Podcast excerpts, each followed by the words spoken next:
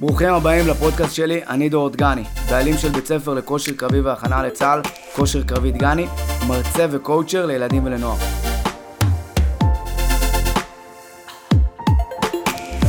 אהלן כולם, אה, ברוכים הבאים לפרק השלישי שלנו. היום אני הולך לדבר על נושא מאוד מאוד קרוב לליבי, אה, קרב מגע.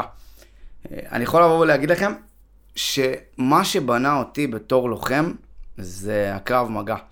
אני זוכר את האימוני קרב מגע שלי בצה"ל, הם היו מפחידים, הם היו מאוד מאוד קשים, אבל אני זוכר כמה בעצם הם גרמו לי להאמין בעצמי. אני מארח פה חבר יקר, אה, בשם עידן יחזקאל. עידן, מה המצב? וואי, דגני, מה העניינים? אני מעולה, אחי. אה, הבאתי בעצם את עידן, את עידן הכרתי באפריקה, ומאז הוא חבר מאוד טוב שלי. עידן הוא אוטוריטה בכל התחום הגדול הזה שנקרא קרב מגע.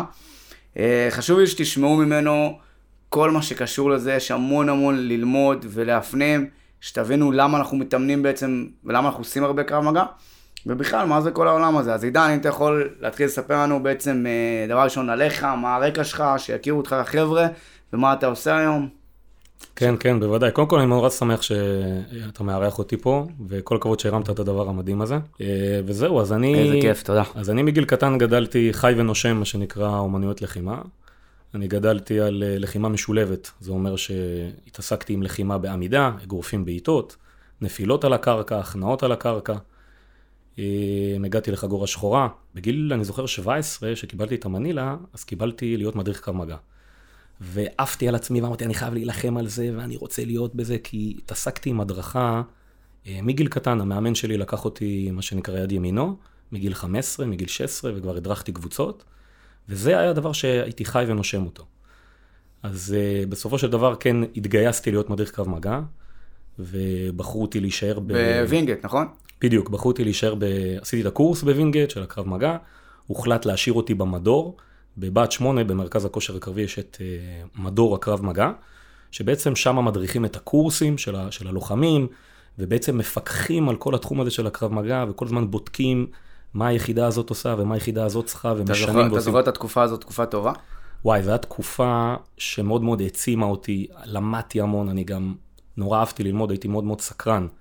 אז כל הזמן היה חשוב לי ללמוד ולהשתפר בהדרכה, אה, וכל הזמן לפתח את האימונים שלי בצורה שאנשים יצאו מהאימון ויגידו, וואו, זה ממש עזר לי. היום מה קורה איתך?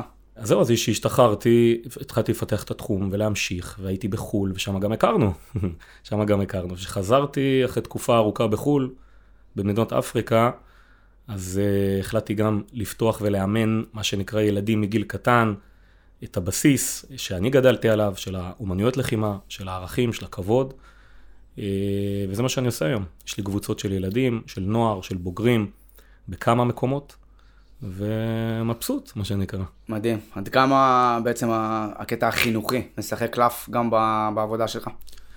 בכל תחום של אומנויות לחימה, ובמיוחד אצלי, הערכים והכבוד והמשמעת, גם דברים שלמדתי בצבא, אה, מלווים אותי, וזה גם הערכים שאני נותן לחניכים שלי. אנחנו כל הזמן מדברים הרבה על, אתה יודע, הרבה חושבים שזה אולי קצת אלים, והם רואים אגרופים, בעיטות. ומה שמשחק פה זה הרבה הכבוד והערכים אחד לשני, שזה בעצם, לדעתי, אין באף תחום אחר. מדהים. עידן, מה זה קרב מגע, בגדול, שיכירו החבר'ה, שיבינו. יופי, אז קרב מגע זה שיטת לחימה, ואני אומר שיטה ולא אומנות, מהסיבה הפשוטה. בקרב מגע אין אומנות. אין ערכים, אין כבוד, אין זירה. הדבר היחיד שמנחה אותך זה לעשות הכל בשביל לחיות. אתה עושה כל מה שצריך ולא מעניין אותך שום דבר, אין חוקים או איסורים, הדבר היחיד זה תישאר בחיים. וזה בעצם ה... אה, ההבדל הגדול בין אומנות בעצם לקרב מגע. אני תמיד גם חשבתי על זה, ניסיתי להבין כל הזמן למה בעצם צה"ל, מכל האומנויות לחימה שיש, מקארטה וג'ודו ו... MMA, כולנו מכירים, למה בעצם צה"ל אה, החליט לאמץ ולקחת את, ה, את הקרב מגע אליו? אוקיי, okay. אז אנחנו צריכים ללכת קצת אחורה. אתה צריך להבין, אם אני מחזיר אותך עכשיו אה, לשנות ה-40, פעם לא היה נהוג, נגיד שאתה רוצה להגן על עצמך, אתה הולך ללמוד קרב מגע. אצבעות לעיניים, בעיטות לאשכים, זה, זה, זה לא היה נהוג. פעם שהיית רוצה ללמוד להגן על עצמך, היית הולך ללמוד אגרוף, היאבקות, טייקוונדו, קראטה, אתה יודע, אומנויות לחימה טריוויאליים. עכשיו, מה הקטע? שבאומנויות לחימה הרגילות, עם החוקים והערכים והדברים, לוקח הרבה מאוד זמן בשביל להיות מקצוען, בשביל להיות טוב. וכשאנחנו מסתכלים על הצבא, ולמה הקרב מגע בעצם פותח? דווקא מהנקודה הזאת, לתת לך את המקסימום כלים במינימום זמן. אם אנחנו מסתכלים על מסלול הכשרה של לוחם, כן. זה כמה חודשים. בוא נגיד, אה, לוחמי חי"ר זה כמה חודשים, יחידות מיוחדות, נגיד שנה, שנה פלוס. ובעצם בזמן הזה, שיש להם עוד כל כך הרבה נושאים לעבור, אין זמן עכשיו ללמד אותם היאבקות, אגרוף, ג'ודו. כי הם, בוא נגיד באימונים כאלה, הם לא יגיעו לרמה מספקת, הם לא יגיעו לרמה שבעצם כן. תגן על עצמם. עזוב שיש להם גם איומים אחרים. אה, אם נגיד מישהו יתקוף אותם, הם עכשיו לעשות תרגיל ג'ודו יהיה מאוד מאוד מסובך. זה קטע שאתה אומר את זה, סליחה שאני קוטע אותך, אני זוכר באימונים שלי, באימוני קרב מגע הייתי באגוז, אמ, אה, קצת טכניקה, קצת פה, המון המון המון אגרסיביות. יפה מאוד. המון תרגילי אגרסיביות, למה? אז אנחנו משתמשים בעצם בקרב מגע כדי לבנות כמה דברים שחשובים ללוחם. הרבה חושבים, מה, יש לו נשק, למה הוא צריך קרב מגע? אז זה מתחלק לשתיים. אחד, המטרה בקרב מגע זה לבנות את האופי של הלוחם. שהוא לא יפחד לחתור למגע, אה, והוא לא יפחד לקבל מכה, ויהיה לו את האופי הדורסני הזה שעובדים על זה, אנחנו תכף נרחיב על זה, אבל עובדים על זה הרבה מאוד בצבא, לפתח את האופי הלוחמני. אה, וזה מזכיר לי, גם מחזיר אותי קצת אחורה, שאימנתי באפריקה איזו יחידה צבאית, אז בא אליי איזה גנרל כזה, והוא אמר לי, אני רוצה שלא יפחדו בקרב. כאילו, זה אומר לך שהקרב מגע הוא כל כך מפורסם ביכולת שלו לתת ללוחם את הערכים של הדורסניות, שזה בעצם אה, הדבר ששמים עליו דגש בעצם מאוד בכל העולם היום הקרב מגע משחק כן, קלף. בכללי הפשטות הזאת שהקרב מגע הביא, שאתה יודע, גם הקרב מגע גם בניגוד לאומנויות לחימה אחרות, הוא כל הזמן משתנה, הוא כל הזמן משתכלל. לדוגמה, אם נגיד עכשיו יש מקום מסוים שנגיד יש תקיפות דקירות כאלה ואחרות, אז הקרב מגע התחדד, וכדי לתת את המענה נטו לדקירות האלה. ושהקרב מגע הגיע עם הפשטות הזאת, שפתאום אפשר לפתור דברים בקלות. אה, אתה יודע, נגיד כמו דברים... מה זה אה, בקלות? תן לי דוגמה. דוגמה, נגיד מישהו רץ אליך עכשיו, לא צריך לתפוס אותו, להפיל אותו, אה, להתחיל לעשות תרגילים מסובכים, בום, איזה בעיטה לבטן, להרחיק אותו, לשלוף, לדרוך את הנשק, זה דברים שהעולם לא יודע איך להכיל את זה. אף אחד לא חשב על זה, על הפשטות. וזה כנראה, אתה יודע, מה שיפה בישראלים, כן. ב- מה שנקרא, במוח לגמרי. אבל אני היום לוחם בדובדבן, בפלסר צנחנים, לא יודע איפה, בסרט רצינית. איך נראה אימון קרב מגע שלי? הלאה, אני התחלתי את האימון, מה, מה קורה שם ומה המטרות? יפה מאוד. אז קודם כל, הדבר הכי חשוב באימוני קרב מגע, במיוחד באימונים הראשונים של לוחמים, שהלוחמים נחשפים לזה פעם ראשונה, אז כמו שאמרתי, זה לבנות את האופי שלהם. המון המון משמעת, המון המון דברים כאילו, בוא נגיד, אם זה עכשיו לשמור פנים ולא להוריד את הידיים, כי אם אתה מוריד את הידיים אז אתה חושב יותר מדי, ומה יקרה בלחימה? גם תחשוב, גם תוריד את הזה, גם לא תגיב בזמן. אז הרבה עובדים על התגובה ועל האגרסיביות. ואחרי זה הדבר הכי חשוב זה להכין את הלוחם למצב של טווח קרוב, ושהוא ידע לתפעל, זה אומר מישהו תופס אותו. חדות מישהו- ומהירות תגובה אתה כן, מתכוון? מישהו חוטף לו את הנשק, מישהו תופס אותו, מישהו עכשיו דוקר אותו בסכין והוא לא הספיק לדרוך את הנשק. אז הרבה מאוד האימונים האלה עובדים על התרגילים, על הסיטואציות האלה, הספציפיות האלה, וכמובן יש שלבים, אנחנו בונים לו את האופי, ואחרי זה מגיעה הטכניקה, ואחרי זה מגיעים הסיטואציות המלחיצות יותר כדי להכין אותו. נכנסתי היום לאימון קרב מגע. אני לוחם, אני עדיין לא לוחם, אני במסלול למעשה. מה דרוש ממני? מה, מה רוצים ממני? מה, מה מצופה ממני? יופי, אז אה, גם בתור אחד, אני זוכר בצבא, אה, הדרכתי את שלדג חצי שנה, הייתי מסופח אליהם. ואתה תמיד רואה את החשיבות המטורפת שנותנים לקרב מגע באימונים בצבא.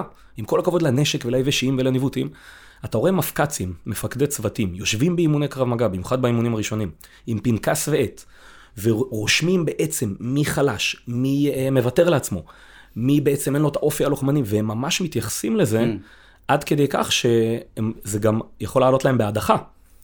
גם עכשיו נגיד, היה לי חבר ב... שהשתחררנו, הוא עשה קורס אה, מאבטחים בשדות התעופה, והוא לא היה מספיק אגרסיבי בקרב מגע, הוא פשוט הודח מהקורס. יש פה חשיבות מטורפת לתחום הזה של הלוחמנות והדורסנות, אה, ואסור בעצם לזלזל בדברים האלה. כולם אומרים, אה, בסדר, זה קרב מגע, אבל יש לו נשק, אבל לא, מה שזה נותן, האופי שזה נותן ללוחם, זה דברים מטורפים. אני יודע לבוא ולהעיד את זה, שזה באמת מה שבנה אותי, אני זוכר שהיו שם תרגילים בקרב מגע שלא האמנתי שאני יכול באמת לעשות אותם, ובסופו של דבר, התחושת מסוגלות שלי, בעקבות האימוני קרב מגע בצבא, הטיסה אותי. עכשיו, עוד שאלה שיש לי, אתה יודע, האימוני קרב מגע שלי היו לפני 18 שנה. מה בתכלס שונה מהאימוני קרב מגע של פעם, לפני 20 שנה, 18, ל- לאימוני קרב מגע של היום? יפה, יפה. אז uh, מה שקרה פעם, הקרב מגע ב-10-12 שנים האחרונות עבר שינוי מאוד מאוד מהותי. מה זאת אומרת? פעם, אה, אני מדבר איתך על שנות נגיד ה-90 או ה-2000 המוקדמות, האימון קרב מגע היה די בלאגן. כאילו, מה זאת אומרת? ניסו לעשות אגרסיביות, עשו זה, ניסו אה, כמה שיותר אה, לחזק ללוחמים את הגוף, אם זה לשבור להם אה, שדריות על הגב ועל הצלעות, והיה מאוד בלאגן. עכשיו, אה, כתוצאה מזה היו הרבה מאוד פציעות. היה הרבה מאוד פציעות, עד שהגיע למצב, אני זוכר שאני התגייסתי, והתחלנו בעצם לקבל לידיים את הקרב מגע, הרבה מאוד יחידות אמרו, אני זוכר שדיבר איתי איזה אה, אלוף משנה ואמר לי, תקשיב, אה, הקרב מגע עושה לי הרבה פציעות, אני לא רוצה את זה. והוא אמר לי דבר מאוד מאוד יפה, זה היה בדיוק אחרי איזה תצוגה שעשינו. הוא אמר לי, תקשיב, כל לוחם שנפצע לי, זה פחות לוחם שמסתער במלחמה הבאה. ובגלל שלא היה סדר והיה הרבה מאוד פציעות עקב זה שאתה יודע. אתה מדבר פעם, לפני 15-20 שנה. הרבה פעמים אמרו, יאללה, תקרא אותם, מפקץ בא למדריך כמה מגע, תקרא אותם, תעשה להם זה זה זה. זה פיתח אגרסיביות, זה בסדר. גם אני באימונים שלי עם הקטנים, אנחנו עושים אימוני ספיגה, זה סבבה. אבל כשאתה עושה את זה בצורה לא אה, כל כך מבוקרת, יש לך הרבה פציעות, והצבא לא אוהב פציעות. הצבא רוצה כמה שיותר לוחמים כשירים. אז מה שקרה, אה, ב-12 שנה האחרונות נכנס קודם כל ראש תחום, שהוא בעצם מרכז את כל התחום הזה בקרבה, בצבא. לא היה את זה לפני. היה, אבל זה לא היה, אתה יודע, אחד נכנס לתפקיד, יצא אחרי שנתיים, נכנס, יצא. עכשיו יש מישהו שהוא קבוע ראש תחום קרב מגע, גם קוראים לו דני, הוא חבר טוב, והוא בעצם מפקח על כל התחום הזה. יש תיקי תרגיל לכל אימון, יחידה ויחידה, מה הם צריכים לעבור, מה הלוחמים צריכים לעבור, הוא מאשר את זה, הוא מגיע לביקורת שם. ועד שהקרב מגע בעצם הגיע למצב שאם לוחם לא עובר מספר אימונים מסוים, הוא לא לוחם, הוא פשוט mm. לא, הוא לא מקבל את ההסמכה של לוחם. פעם זה לא היה, פעם היו עושים נכון. אימוני קרב מגע, היית עושה 3, 4, 10, סבבה. עכשיו אתה נגיד צריך לעשות 12 אימונים, ברזל, אתה חייב לעשות אותם. עם כל החומר כמובן שאתה צריך לעבור. כן. אז הכל מאוד מאוד מסודר עכשיו. איזה יופי, תשמע, זה כל כך משמח אותי לראות את הדברים האלה, באמת, גם בתחום שלי, בכושר קרבי, אני רואה כמה אה, שינוי צה"ל עשה לטובה. אה, תגיד, עכשיו עוד שאלה שיש לי, זה באמת, האם רק חייל אה, שמשרת בקרבי, חייב לעשות אימוני קרב מגע? זאת אומרת, האם מישהו שהוא באיזה סוג של יחידה עורפית, והוא לא קרבי, מה לו ולקרב מגע, אם הוא בכלל צריך לעשות את זה? יפה מאוד, אז אנחנו מסתכלים בעצם, הרבה, הרבה באמת אה, חושבים, שאימון קרב מגע, רק לוחמים צריכים לעשות. מה אני צריך לעשות קרב מגע? אני חוזר הביתה כל יום, או אני לא לוחם, אני בכלל בקריה, מה אני צריך קרב מגע? והתשובה היא לא. כי מחבל עכשיו, שנגיד רוצה לעשות פיגוע, רוצה לחטוף חייל, הוא לא מעניין אותו איפה אתה. הוא רואה מדים, אתה מטרה. ולכן גם דווקא מי שיוצא הביתה כל יום, איפשהו יותר באיום מאשר מישהו שנשאר בבסיס אה, שבוע, שבועיים.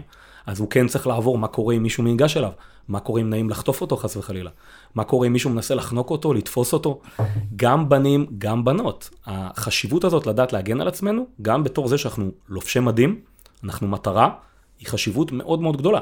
עכשיו כמובן שליחידות אה, שהן פחות קרביות יש פחות זמן בלוז, אבל כן, גם להם יש אימוני קרב מגע שייעודיים בדיוק למה שהם קוראים.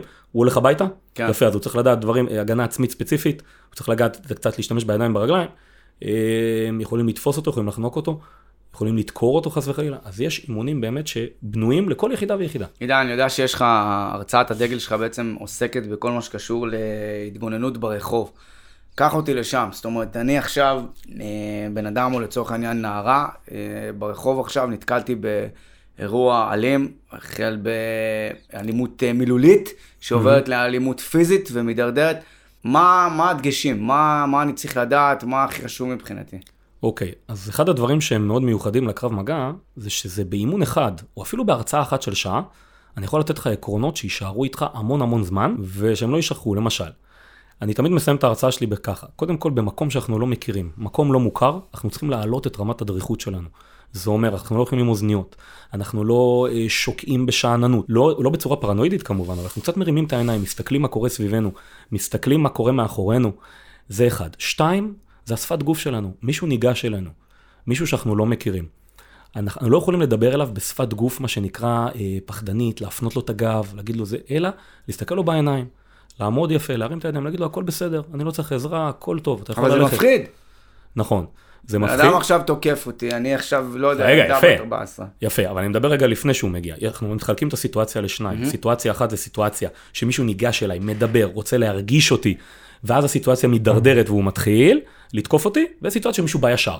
אז אני קודם כל מסביר, קודם כל אז אמרנו, לדעת הסביבה, לדעת להקרין שפת גוף, שפת גוף, להקרין ביטחון למישהו שמגיע שהוא לא מכיר אותי. שלוש, אני אם אני עכשיו לבד ויש לי איזה חפץ שאני יכול להשתמש, טלפון שאני יכול להכות איתו נגיד בנקודות ספציפיות. טלפון. תכף נדבר על זה.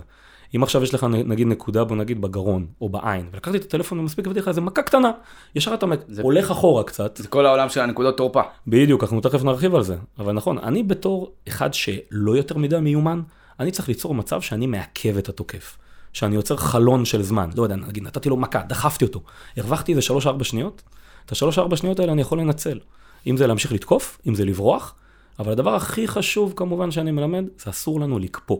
הקיפאון הוא גורם לנו למצב שאנחנו על האפס. אסור להיות על האפס. תהיה על מצב 1, 2, 10 נגיד, אבל אל תהיה על האפס. איך אתה תמיד אומר בהרצאה שלך? flight או fight? fight או flight, בדיוק. או שאתה נלחם בכל הכוח, או שאתה בורח בכל הכוח. אני בהרצאה מחלק את זה למשולש. כי באימונים קצרים, לא, אני לא יכול להפוך אותך למקצוען, כמו כל דבר בחיים. אתה רוצה להיות הכי טוב במשהו, אתה צריך להתאמן הרבה מאוד זמן, נכון? כן. אז באימונים קצרים, יש לי, אני מדמיין, אה, יש לי את שיטת המשולש. מה זה אומר? בפינות של המשולש, זה אומר הדברים הפחות חשובים בשבילי, זה התגובה שלך והטכניקה שלך. אז אני קצת מלמד אותך להיות, אה, להגיב מהר ולדעת לאיפה לתקוף, לאיזה נקודות, אבל הדבר הכי חשוב זה אגרסיביות. אגרסיביות, אני מתרגם את זה כרצון לנצח, הרצון לשרוד, הרצון שאף אחד לא יעשה בי מה שאני לא רוצה. אז מספיק שאני עכשיו, עכשיו זה היופי, לא צריך יותר מדי טכניקה. מספיק שיש מישהו עכשיו תוקף אותי, חונק אותי, שם על הידיים, ואני משתולל, אני מתפרע, אני מנסה לפגוע בו, נגיד בעיניים ובאף, ובנקודות רגישות, האגרסיביות היא 80% מההצלחה. וזה מה שאני בעצם תמיד מסביר. אני לא מעניין אותי עכשיו האגרוף הכי יפה, לא מעניין אותי הבעיטה הכי יפה, מעניין אותי שאתה או את, יש לכם את היכולת, מישהו תופס אותך, אתה משתולל, אתה hmm. מתפרע, עד שאתה מרגיש שיש לך זמן או לברוח, או להמשיך לתקוף. השאלה אם זה עד כמה זה באמת עניין של תרגול, ועד כמה זה משהו מולד, ועד כמה זה משהו של, אה, אתה יודע, של, של אותו רגע. תראה, עקומת הלמידה אצל כל אחד היא שונה, אבל חד משמעית, אה, מספיק שאני נותן לך עקרונות, מספיק שאתה יודע שעדיף לתת, נגיד, מכה לעין. אנחנו נדבר על זה, נגיד נקודת תורפה זה נקודה... קח אותי לנקודות תורפה. נקודות תורפה זה נקודה חלשה בגוף, שאי אפשר לחזק אותה. מה זה אומר? אני את החזה שלי יכול לחזק בחדר כושר? כן. את כן. הרגליים אני יכול לחזק? כן. את הידיים אני יכול לחזק? יופי. את העין שלי אני לא יכול לחזק. זה אומר כל אחד שיחטוף עכשיו, לתוך הדוגמה, כף על העין, הוא יגיב באותה צורה, גם אם יחטוף אותה בפעם הראשונה, השנייה, השלישית. הוא יהיה לו את אותו אפקט של כאב, כנ"ל אף, כנ"ל גרון, כנ"ל מפסעה, אזור האשכים. אז הדברים האלה, הם בעצם נותנים לנו יכולת להתגבר על מישהו יותר חזק מאיתנו, זה מין קלף כזה בשרוול. עכשיו, כמובן שאנחנו מנסים לא להגיע למצב שאני צריך לתקוף בידיים וברגליים. אנחנו מנסים כמובן לקרוא את הסיטואציה, ולהרגיש את התוקף לפני, ולדבר איתו ולהשאיר אותו מרחוק, להגיד לו לא להתקרב. ואם יש לי חפץ ביד, עט, אה, אפילו פחית שתייה, משהו שאני יכול לזרוק, להכות איתו ולהשתמש בו. הסיטואציה הכי נוראית זה שאני צריך להילחם בו בידיים, אבל גם לזה יש פתרונות. תשמע, אני שומע אותך, באמת זה פותח לי המון המון ידע פסיבי שקיים לי בראש. אחד הדברים שהייתי רוצה להעביר לכם, לכולכם, זה באמת ש... יש כמה דברים שמתחלקים בצבא שאתם תתגייסו. יש את השלב של הניווטים, יש את השלב של המסעות, יש את השלב אה, אה, שמשפצרים דברים, כל, ויש את השלב של הקרב מגע, אימוני קרב מגע. כל אימון קרב מגע שיש לכם, תבואו אשכרה עם, אה, עם רעל בעיניים, עם רצח, תעמדו עכשיו, זה מפחיד. האימון קרב מגע הראשון שהיה לי בצה"ל, אני לא אשכח אותו, הוא אחד הרגעים הכי מפחידים שהיו לי בחיים, וגם כל המדריכי קרב מגע עשו אותו ככה, ו... אתה יודע, שמו את האור מאחורה וראינו דמויות חשוכות כזה, אני לא אשכח את זה, ויצרו את האפקט. אמ, להיות נעולים, להיות ממוקדים, וכמה שזה לא יישמע מוזר, תהנו מזה, באמת. כן, אני גם רוצה להוסיף, בתור אחד שהיה המון אה, בוחן בתרגילי קרב מגע, ובעצם ראה, אנחנו בתור, אם זה יהיה הבוחן, אם זה יהיה המפק"צים, אם זה יהיה המגבשים, ויש לכם אימוני קרב מגע, רוצים לראות את הרוח לחימה, רוצים לראות את האש בעיניים, רוצים לראות שעכשיו נגיד אתה עובד, אה, בוא נגיד לצורך הדוגמה, על שק אגרוף, ואין לך אוויר, ותמיד יביאו אתכם למצבים שאין לכם אוויר, כי פה בעצם אתם נבחנים. שהדופק עכשיו על 180-200, ואתם צריכים לתת עכשיו עוד 10 שניות, ואז נגמרו עם, נגמרים 10 שניות, ואז עוד 10 שניות. רוצים לראות שאתם תמיד עם אש, ונלחמים, ומוציאים. בדרך כלל תמיד מי שעכשיו אומרים לו עוד 10 שניות, ורואים אותו כזה עם המבט הזה של השבוז כזה, hmm. שהוא פתאום, הוא פתאום בשוק, כן. זה מצבים שיכולים אה, בעצם לחרוץ את הגורל שלך. שבעצם אומרים, הוא לא מספיק חזק. הוא שמע עוד עשר שניות והוא נשבר לי, לא רוצה אותו. אתה יודע, אני קורא לזה שילוב ניגודים. אה, אנחנו דיברנו על זה גם בפרק הראשון, אם אתם זוכרים, על, ה... על זה שאנחנו שקטים, אנחנו רגועים, אנחנו גם, הגדולה שלנו היא לדעת להימנע מהקטעים האלה. מישהו עכשיו מקלל אותי, סליחה, אני מצטער, טעיתי, נכון. אני פה, אני שם, אנחנו אנשים באמת אה, טובים. אבל, ברגע שמישהו תוקף אותנו, שם עלינו יד, נכנס למרחב האישי שלנו, תקן אותי אם אני טועה, 0 ל-100, מתפוצצים עליו ב-100 קמ"ש, אני תמיד אומר, אני לא הולך מכות, אני הולך מכה. במידת הצורך, אם המכה הראשונה לא נכנסת, כנראה לא עשיתי בזה כלום, אבל ייקח המון, המון, המון, המון, כדי שאני אגיע למכה הזאת. אני אדבר, אני אבקש סליחה גם אם אני לא טעיתי, וזאת הגדולה, כי, תשמעו, בגדול, אנחנו לא יודעים מה יכול לקרות. יפתח לנו, יפתח לנו תיק פלילי, חס וחלילה מישהו Mm. אה, יתפוס סכין, ידקור אותנו, ולי זה קרה בכיתה י"ב ברגל. אחד מהדברים בעצם שאני גם הייתי מסביר ללוחמים ובאימונים, אנחנו צריכים להיות מצד אחד ג'נטלמן, הכי ג'נטלמן בעולם, מצד שני, להיות מכונת לחימה שצריך.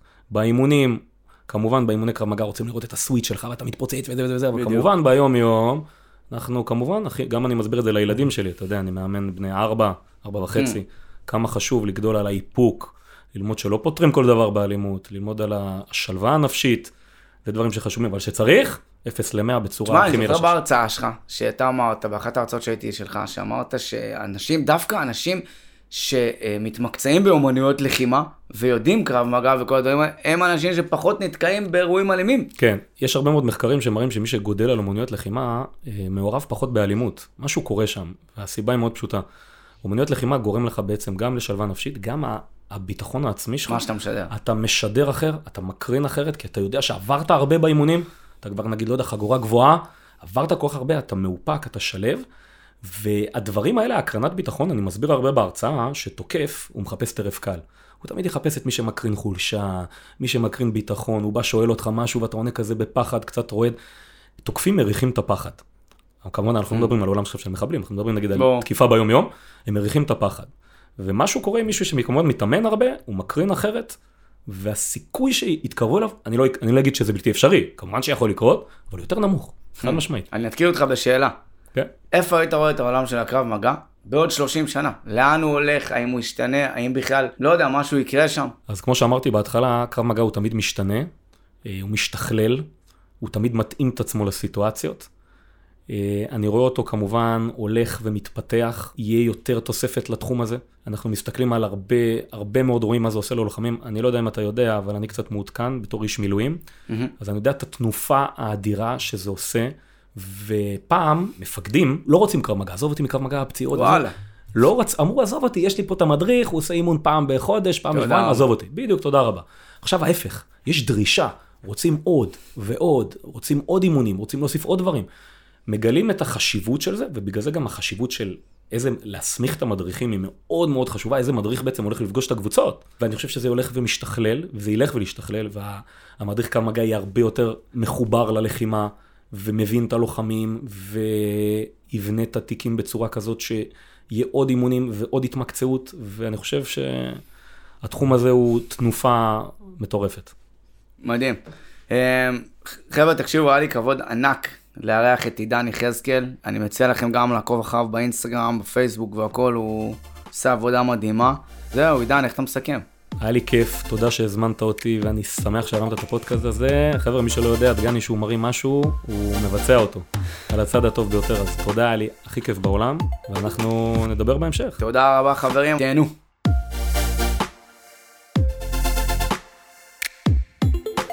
תודה לכולם על ההקשבה, אתם מוזמנים לעקוב אחרינו באינסטגרם, יוטיוב, בטיקטוק ובפייסבוק, וכמובן באתר האינטרנט שלנו. פרטים ליצירת קשר תוכלו למצוא בתיאור. מקווה שנהניתם, ותמיד תמיד תזכרו, תעבדו קשה בשקט, ההצלחה כבר תעשה את הרעש.